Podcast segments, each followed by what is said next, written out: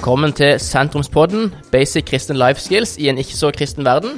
Mitt navn er André, og jeg er pastor i Sentrumskirka Farsund. Og jeg er i dag din vert her på podden. Vanligvis er jeg med meg kona, men hun kunne ikke i dag. Men jeg har med meg Markus Kvavik. Det syns jeg er veldig kjekt. Direkte ifra Sandnes. Og sammen så skal vi i dag prate litt om eh, hva er kirke, hva er fellesskap, og hvorfor er det så viktig. Så eh, hjertelig velkommen, Markus. Takk, André. Tusen takk. Ve- Veldig kjekt at jeg fikk lov til å erstatte Lisa i dag. Ja, det, det er ikke så verst, bare det. Nei. Du, eh, hvem er egentlig Markus, for de som ikke kjenner deg? Jeg heter Markus Kvavik. Jeg er blitt 29 år.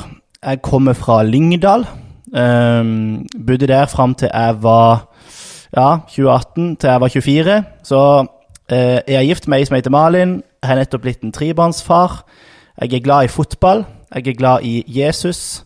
Ikke i den rekkefølgen. Jeg tror jeg er mer glad i Jesus. Jeg håper i hvert Ja, det, det er godt. Ja, og eh, ja, jeg bor i Sandnes. Trives godt med det. Fantastisk. Så jobber jeg i Misjonskirken Norge Mm. eh, som prosjektleder, menighetsplantingskonsulent, som det heter så fint, for et prosjekt som heter Fem byer. Og det er en veldig spennende jobb. Fortell litt om det. Ja, eh, I Misjonskirka så har vi en eh, strategiplan nå som heter Tro, sende, plante. Vi ønsker å se nye mennesker komme til tro, og vi ønsker å sende ut flere medarbeidere og plante nye menigheter.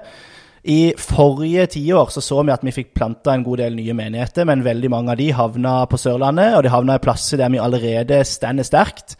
Så Fem byer var et eh, prosjekt, et initiativ som kom opp for å prøve å spre oss litt utover vårt landstrakte land.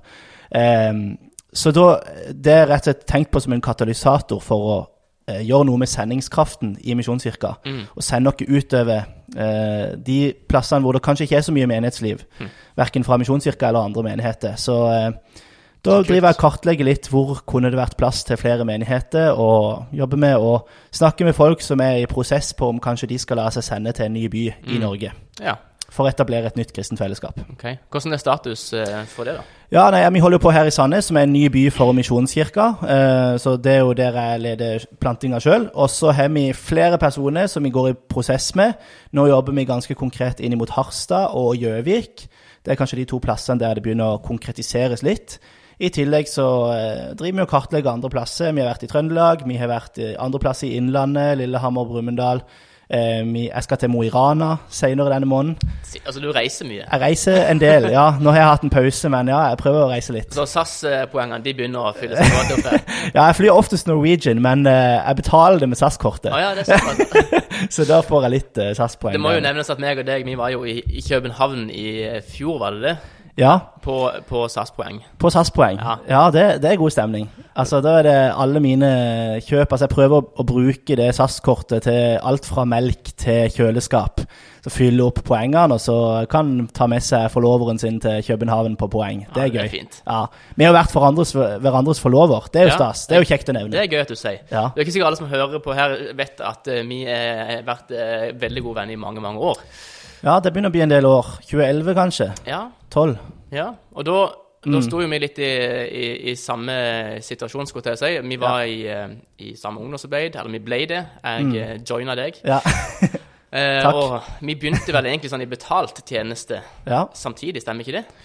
Cirka. Ja, eller jeg hadde jo jobba bitte litt, men jeg, jeg fikk ny jobb når du kom inn. Sånn var det, ja. Jeg ble ungdomspastor, du ble studentpastor eller studentarbeider i Misjonskirka i Lyngdal i 2014. Mm. Så da starta vi tjenesten sammen, og etter det så har det vel eh, vært eh, Det har sett litt ulikt ut, men vi har i hvert fall prøvd å stå sammen i det vi har stått i siden Mm, det. ja. Så det har vært veldig bra. Mm. Vært på hver vår teologiske reise òg, og Og Hekkfjell, ja. Skal vi begynne der? ja, vi, vi kommer inn der. Ja. Men, men uh, bare, bare for å ta det litt fra starten. Altså, hva, hva er ditt forhold uh, til, til kirke og menighet, hvis vi tar det litt fra starten? Din, din reise, da? Ja, altså jeg kommer fra Lyngdal, vokst opp i Misjonskirka i Lyngdal som barn, som ungdom. Jeg eh, var veldig engasjert hele livet. Eh, Misjonskirka i Lyngdal har vært eh, avgjørende vil jeg si, for både min tro og for eh, mitt liv, hvem jeg er i dag. Eh, kom inn i ungdomsarbeidet, ble invitert inn til å bruke mine gaver, mine talenter, inn i Guds rike der. Og eh, i løpet av ungdomstida så opplever jeg vel egentlig et kall til tjeneste, et kall til å gjøre dette mer eller mindre på fulltid. Eh, da var jeg 15 år. Så gikk det to år, så fikk jeg en jobb som ungdomsarbeider. Sammen med min åndelige far og store helt Tore Mersland, så jobba jeg der i Misjonskirka i Lyngdal i tre år, før jeg da tok over stafettpinnen etter han da, som ungdomspastor, når vi jobba sammen. Um, så gjorde jeg det i fire år. Så på en måte da ble det teologistudiet, og det ble liksom det å, å jobbe med menighet som jeg trodde jeg skulle gjøre hele livet. Eh, så på en måte menighet har vært kjempeviktig. og sånn personlig, da, som ikke så veldig yrkesmessig, hvis du tenker i mitt liv, når jeg har hatt tøffe tider, så har menigheten vært der og, og båret meg. Når jeg har hatt ting å feire, f.eks. når jeg og kona forlova oss, så var det helt naturlig for oss å liksom stikke til kirka med en gang etterpå og feire det sammen med de. Eh, relasjonene, sant? det er jo det det går på. Alle de menneskene som en da kan dele livet og troa sammen med. Så det har vært helt avgjørende for meg. Mm. Fantastisk. Ja, det var sånn tidlig liv. Mm. Ja. Og du nevner jo sånn som Tore Mersland. ja. Altså, jeg tenker bare, uh, Hvis jeg tenker på mitt eget liv, hvor mye hvor viktig kirka har vært i forhold til at det har vært folk der som virkelig bare har liksom snappa oss opp, ja. sett potensialet i oss og heier hei det fram. Altså, hvordan, hvordan har det vært? Ja, nei, altså, jeg sa det når jeg ble ordinert som pastor i Misjonskirka i fjor. eh, Da var Tore der, og da sa jeg til han at jeg tror ikke jeg hadde stått på den plattformen i dag hvis det ikke var for det.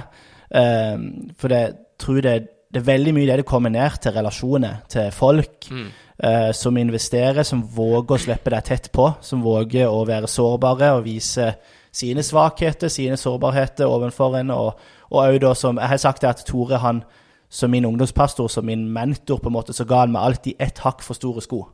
Ikke tre hakk for store, sånn at jeg snubla, men ett hakk for store. Sånn at ja, jeg kunne hele veien strekke meg litt etter noe nytt. Um, og når jeg da på en måte har blitt ungdomspastor, pastor, en leder i kristne miljø sjøl, så er det jo alltid noe jeg har prøvd å ta med meg den, og gi folk trua på at de kan At Gud kan bruke de til noe. sant? Altså, Hva enn det er Gud har lagt ned i deg. Ja. Og en av de tingene som virkelig gir meg glede i tjenesten, det er det å prøve å, å heie fram gullet i andre. Og det tror jeg er noe av det som, som egentlig Jesus gjorde med disiplene sine, og som ja. vi er kalt til i den disippelgjøringa som han har kalt dere til, å prøve prøve å se gull i hverandre da, og, og hjelpe det fram, kan man si. Mm. Absolutt. Og det tror jeg er ganske unikt òg for, for veldig mange kirker. Altså, selvfølgelig er det mange andre miljøer som, som ikke eh, nødvendigvis er kristne, som kanskje er flinke på det, men Ja. jeg tenker at der er, der er kirka spesielt god liksom, på å se gullet i folk. Ja. Eh, og jeg vet, jeg vet selv for min egen del at det, altså noen ganger når, når jeg har hatt ledere som ja, gjerne har vært eldre enn meg, og som selvfølgelig har vært over meg, så har når de har pusha meg og til å ta nye steg, så er det jo av og til det, det svir litt. ikke sant? Det, Ja. det er skummelt, det gjør vondt, men, Ja. men når du da tar det steget, så, eh, så vokser du på det. Så ser du tilbake ja, noen år etterpå at ja, men det, det var jo ikke så big deal, men det har allikevel betydd ganske mye for den reisen man, Ja, ja. man går på. Da. Ja, absolutt. Og jeg tror at det er de der tingene der som òg blir det som står igjen etter oss. Altså tenk på fire år som ungdomspastor, f.eks. eksempel, Så vi snakka om det her, her om dagen. Kona mi fikk en del av ungdommene til å skrive en hilsen til meg når jeg skulle slutte etter fire år. Eller det var egentlig sju år, men fire år som ungdomspastor. Jeg tror det var én person som nevnte talene mine, f.eks Ja, sant. som jeg hadde gitt så mye fokus og så mye energi og brukt egentlig mesteparten av stillinga mi på. Mm. men de tingene som de trakk fram, var den samtalen i bilen. Ja. Eh, den gangen jeg ba for dem på framerste rad der, og de kom fram Ja. og fortalte, ikke sant, eller at jeg så dem, eller at jeg heia på dem. Det er de tingene der som virkelig former, tror jeg. da. Så Ja. tror jeg forkynnelsen er veldig Det er en del av det. og Det er kanskje vanskelig å skille de fra hverandre. sant? Eh, At de, de henger selvfølgelig sammen, men jeg tror denne opplevelsen av å føle seg sett og Ja. heia på, og pusha til å gjøre noe som de kanskje ikke trodde de kunne, da. sant? Det er det som virkelig på en måte da står igjen, tror jeg, da. Ja, tenk det. Vi, vi hadde en sånn liten runde i, i forsamlinga vår i Farsund. Jeg husker ikke helt hvilken setting det var, men vi snakka iallfall om liksom, hva, hva, er det, hva er det viktigste i gudstjenestelivet? Hva er det viktigste, den viktigste rollen, da? Eh, det var jo et slags lurespørsmål, for det at det er jo liksom he, hele kroppen er jo viktig, ikke sant? Men, Ja. men da var det veldig mange som svarte nei, det er forkynnelsen. Det er jo det viktigste. Det er det som leder dere Ja. eh, på veien mot Gud. Men, men ja, det er jo selvfølgelig, som jeg sa, he, hele kroppen. Men utrolig fint å høre det der med at folk gir tilbakemelding på denne lille tingen som, som du gjorde for dem. Den samtalen, den, den bønnen. Ja. Og, og, meg og Lisa vi, Eller Lisa fikk en melding for et par uker siden, tror jeg. Eh, der ei fra miljøet i, eh, på Åpent hus i Lyngdal, på misjon, i Misjonskirka, eh, hun, hun skrev at eh, hun, når hun var konfirmant, og dette må jo ha vært i 2015, kanskje, 16, så, eh, så hadde vi hatt et sånn et ja, datingtema, eller et eller annet sånt. Ja. Type snakke om eh, sex før ekteskapet og all, alle sånne ting. Ja. sant? Ehm, så sender hun melding til Lisa da i 2023, så mange år etterpå, og liksom bare takker for det at hvor sinnssykt mye stress det hadde spart hun for i Ja. livet sitt. Og det var sånn, Lisa sa det med tårer i øynene, for det at, Ja, ja. tenk at den, altså den, ja, den greia vi holdt for Ja. konfirmantene da Vi følte jo sjøl at det, var, det gikk ikke så bra, for det var lite, lite respons, og konfirmantene sier det er flaue fordi vi snakker om ting som ikke er så gøy. Pia blomsten. Ja, sant? Ja. Men, men der får hun den meldinga at dette har betydd så mye for henne. Ja. Spart henne for så mye stress i livet, liksom. Ja, og så bra. Skapt tydelighet i, hos i vandring med Gud. Ja, det er jo nydelig å få sånne av og til. Mm. For det, du, de fær, det er jo de færreste som sender den meldinga. som bare hyller hun som sendte Ja, den. ja, det er jo egentlig kanskje det kanskje mest ja, ja, men altså, Nei, men eh, det har jo betydd noe, da. Sant? Det er jo det. Og jeg tenkte om den tida i det ungdomsarbeidet òg, liksom at det var jo en tid hvor vi forkynte for veldig mange. Mm. Og så kan en Jeg kan bli veldig sånn Vi snakker om fellesskap, vi snakker om hva er kirke. Jeg kan jo tenke at av alle de hundrevis av ungdommene vi hadde innom mer eller mindre regelmessig på Åpent hus i eh, si ti år der, da, så er det en skummelt lav prosent av de som i dag lever livet for å disippelgjøre andre. Mm. Det er de aller færreste, faktisk. Ja. Men så har jeg tenkt det som jeg på en måte har tenkt om den tida òg. Sånn, jeg tror det kommer til å komme sånne meldinger, da. Mm. At uh, folk tar en runde, liksom, Mm. og, og lever livet.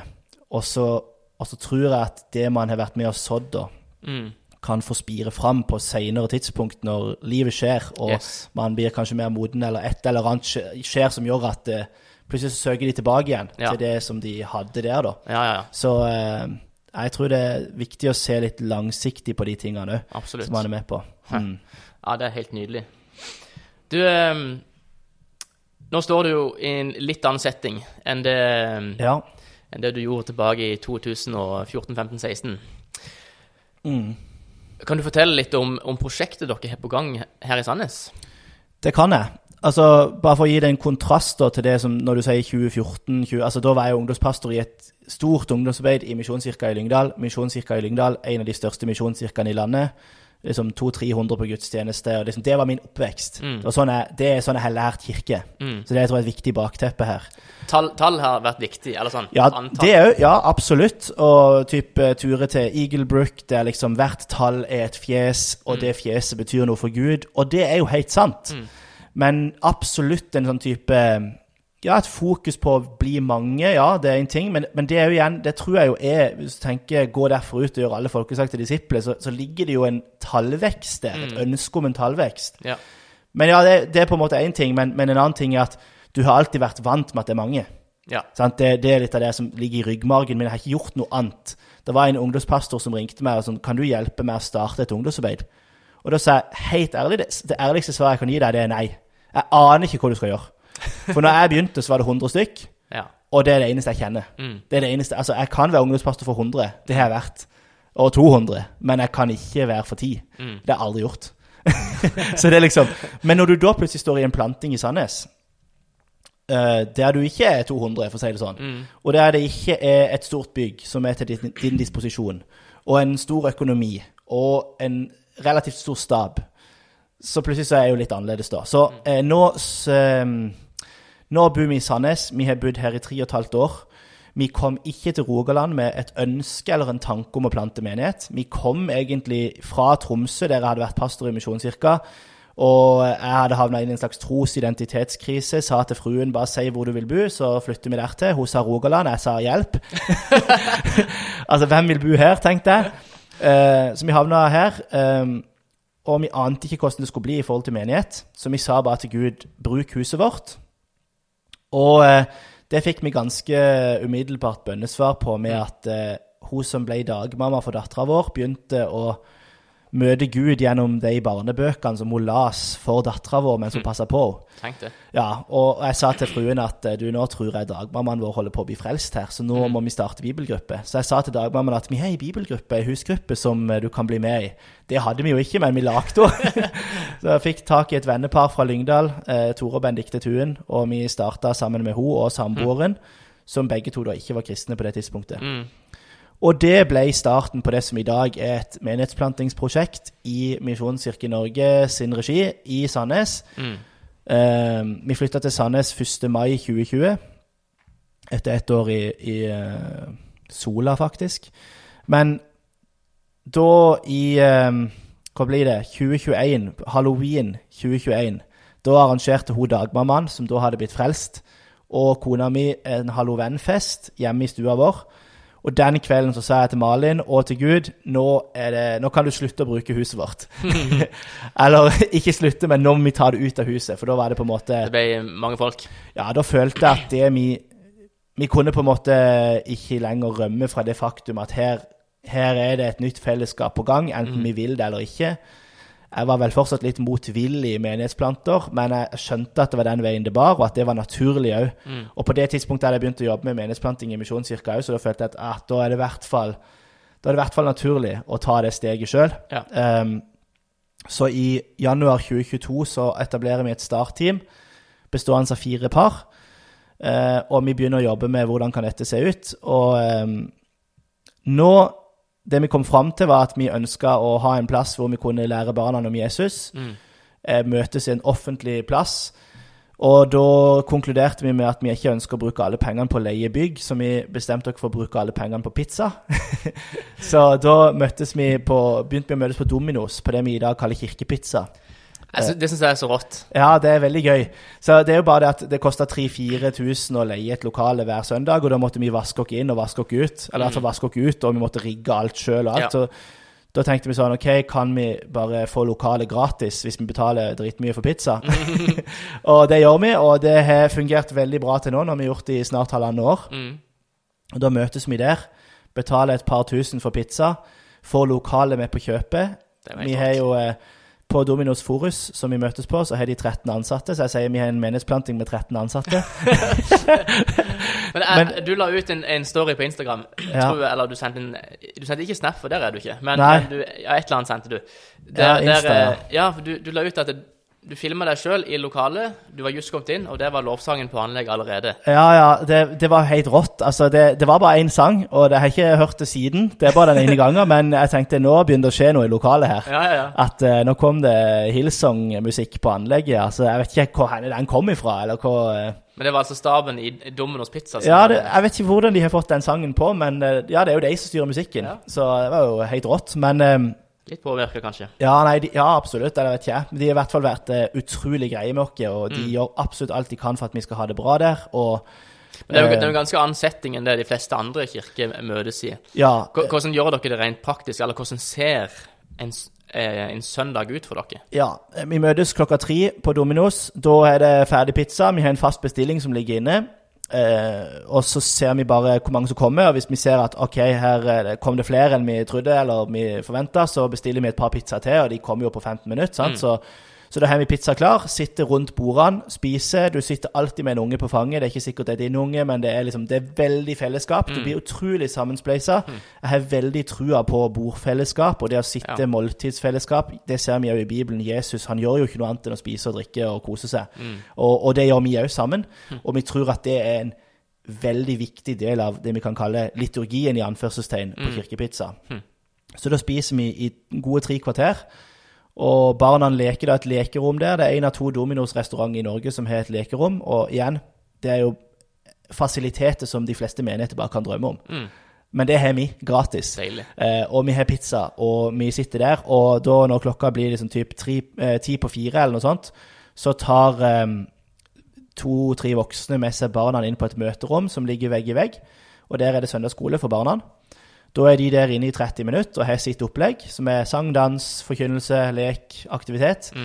Um, da sitter vi Forkynnelsen vår er bibelsamtale. Ja. Og da leser vi en bibeltekst sammen, eh, og samtale om den. Eh, hver gang så har vi en kort introduksjon, at det er sånn vi gjør det, og at det er helt lov å ikke si noe, men vi ønsker at flest mulig deltar i samtalen.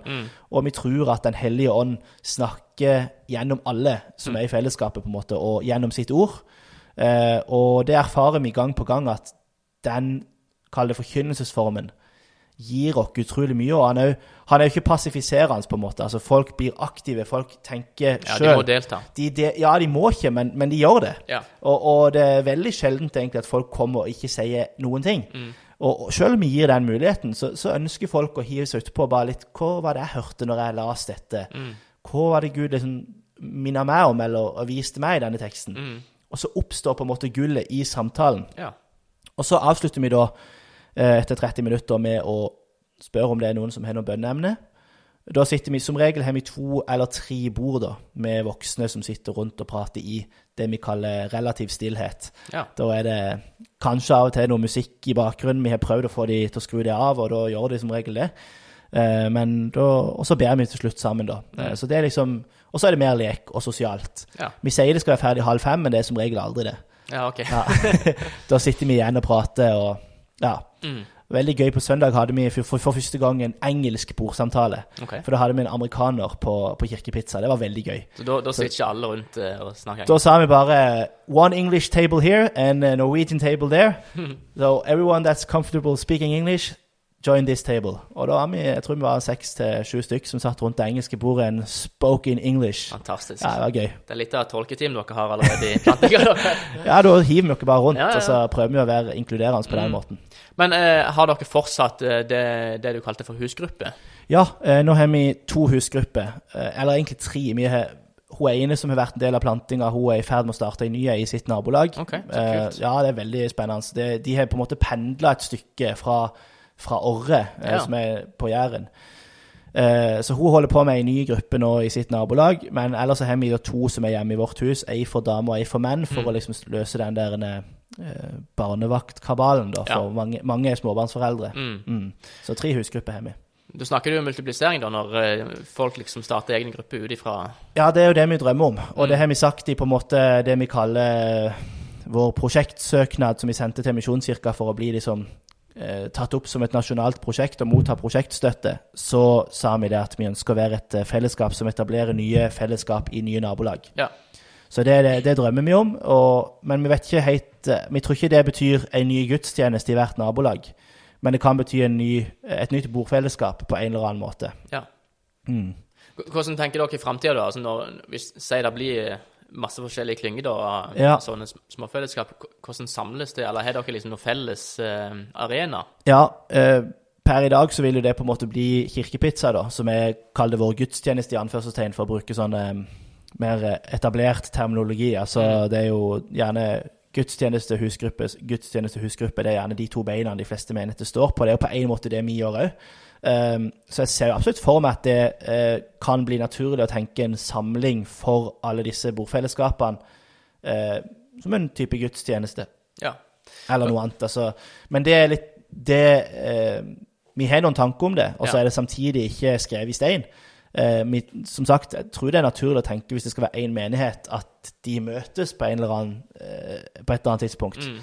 Men eh, ja, den veien blir litt til mens vi går òg. Ikke sant? Mm. For, hva, vil du si er på en måte for, forskjellen på, på kirkepizza og på, på i smågrupper? Jeg tenker Mange som hører på, vil tenke at det høres jo litt likt ut, på Ja. det. Men hva er liksom tanken bak det? Ja, nei, jeg tenker at det er litt likt. Absolutt. Um, og, og det er vi komfortable med, i Mm. den forstand at uh, på Kirkepizza så har på en måte hoved, hovedgrunnen til at Kirkepizza oppsto, var jo at vi tenkte at det var bra for barna å ha et fast møtepunkt der de fikk møtes. Mm. Så Kirkepizza er jo på mange måter for barna, Mm. eh, men òg selvfølgelig for de voksne. At det, men det var der det kom opp, på en måte. Ja. Og eh, istedenfor å gjøre sånn som eh, de fleste andre gjør, da at det er lovsang og forkynnelse for de voksne mens barna er på sitt opplegg, så kjører vi bordsamtale, fordi det både er Vi har veldig tro på den eh, Hva skal vi si den aktiviteten eller den åndelige praksisen og gjøre den sammen. Mm. Eh, og at når vi leser Bibelen sammen, så, så skjer det noe. Ja. Eh, men òg fordi at der vi er i plantinga nå, så, så har vi ikke de ressursene til å kunne ha en gudstjeneste fullskala Mm. annenhver søndag. Og det tror jeg de aller færreste har som starter menighet. I Mm. hvert fall hvis du starter på en mindre plass, sånn som dere i Farsund. Mm. Med mindre du sender 20-30 stykk fra en annen menighet, Mm. så tror jeg ikke du har de ressursene fra dag én. Og da handler det om å gjøre det som vi kan gjøre i ti år uten Mm. å bli utslitt. Mm. Sånn har vi tenkt. Ja. Absolutt. Og vi kommer jo der, Skru på en Apple TV, legger ut noen ark, slår opp en roll-up, og så er vi klar. Yes. Og resten gjør Dominos-gjengen. Ja, Så det er jo gull. Ja, det er nydelig. Mm. Ja, det er jo akkurat sånn vi, vi, vi, vi kjører kanskje litt mer sånn typisk gudstjeneste, bare at ikke vi er i et typisk kirkelokale mye heller, men, Ja. men der òg tenker jeg jo viktigheten av at ikke folk eh, brenner seg ut. Det, det er så utrolig viktig at det, det måte kommer fra en plass av glede og få lov til å, Ja. få lov til å tjene. Mm. Vi sa jo fra starten av at vi, eh, vi har ikke et stort lovsangsteam eh, eller stort produksjonsteam. Vi, vi hadde det skulle si, mest nødvendig for, for å komme i gang med en typisk gudstjeneste. Men eh, vi hadde flinke folk som var i vertskap. Mm. Så det vi på en måte brukte, brukt tid og penger på. Men det er jo kjempeinteressant å høre deg snakke, Markus, for det, det er jo veldig annerledes enn det kanskje veldig mange tenker om både kirke og kirkeplanting. Hvordan en, en søndag skal se ut da. Mm. Så jeg har jo lyst til å spørre deg frimodig sånn, du, Jeg vet eh, som din venn at du har vært på en litt sånn en eh, teologisk reise rundt, rundt eh, Ja. spørsmålet hva er egentlig kirke. og du skrev jo til og med noen, noen sider Du hadde ei skriveuke der du skrev ned mange tanker om hva du egentlig mente om dette her. Hva, Ja. hva som bør vi gjøre kirke. Så Ja. jeg vet ikke helt hva spørsmålet mitt egentlig er, men hva er dine, dine tanker eh, om kirke? Hvorfor er det så viktig at vi fortsatt holder fast på fellesskapet? Ja, veldig godt spørsmål. Og jeg tenker det er kanskje naturlig å, å si litt om den reisen som jeg var på. Da. Så jeg eh, var ungdomspastor i Lyngdal, vi jobba sammen. Jeg eh, tok ferdig teologi på Høgskolen for ledelse og teologi. Reiste til Tromsø og ble eh, pastor i Misjonskirka der. Eh, og så havna jeg inn på en måte mot slutten av det året i en tros- og identitetskrise. Jeg tror det første jeg mista trua på, var min egen rolle som pastor. At jeg følte ikke det var det jeg skulle gjøre. At det var det Gud hadde kalt meg til. Og fikk på mange måter òg en, en ny forståelse av min egen kallsopplevelse som 15-åring. Det var det første som skjedde. Eh, Det andre som skjedde, var at jeg kom til, til det jeg til dags dato kan kalle den fineste menigheten jeg noen gang har møtt. Frimisjonen i Tromsø. Altså, jeg sa det, skal jeg være pastor, så er det her jeg vil være. Det var en nydelig gjeng. Det Hva, som gjorde at den var så fin? omsorg, utadretta, endringsvillig.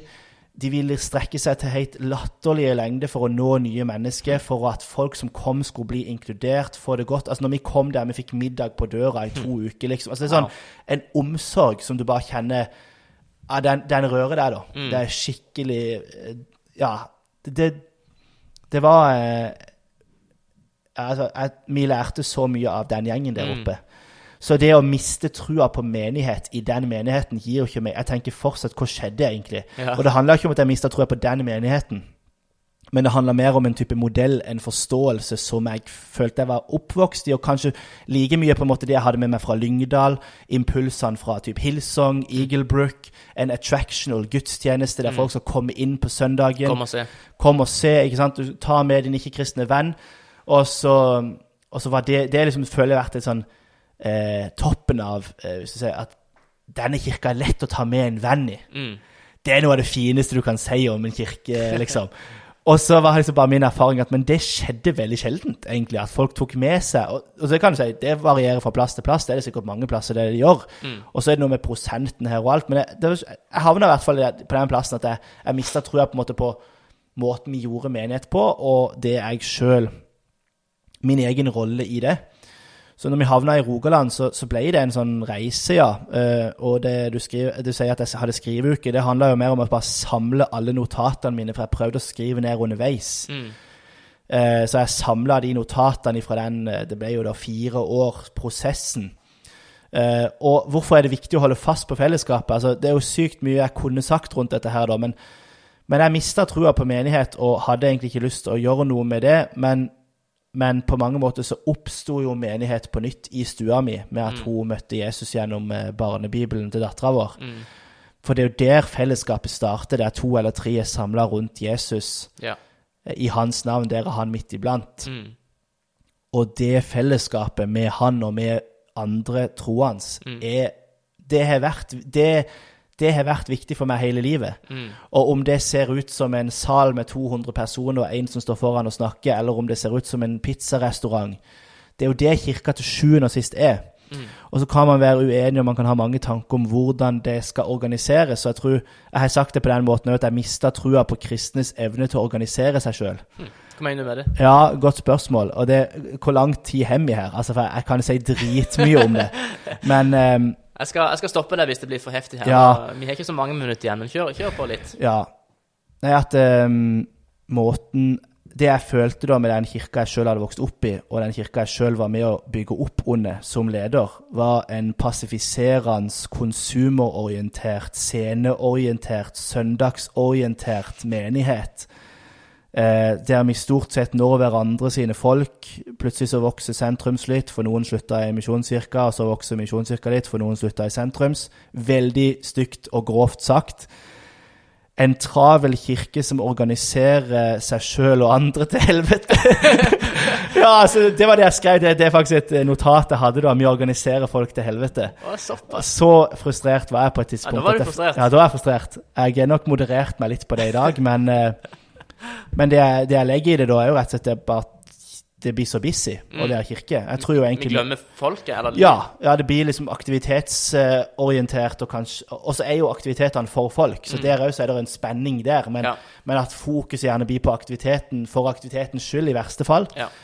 Um, og at det blir ressurskrevende, da. Ja. En veldig, veldig ofte ender man opp med at veldig få gjør veldig mye.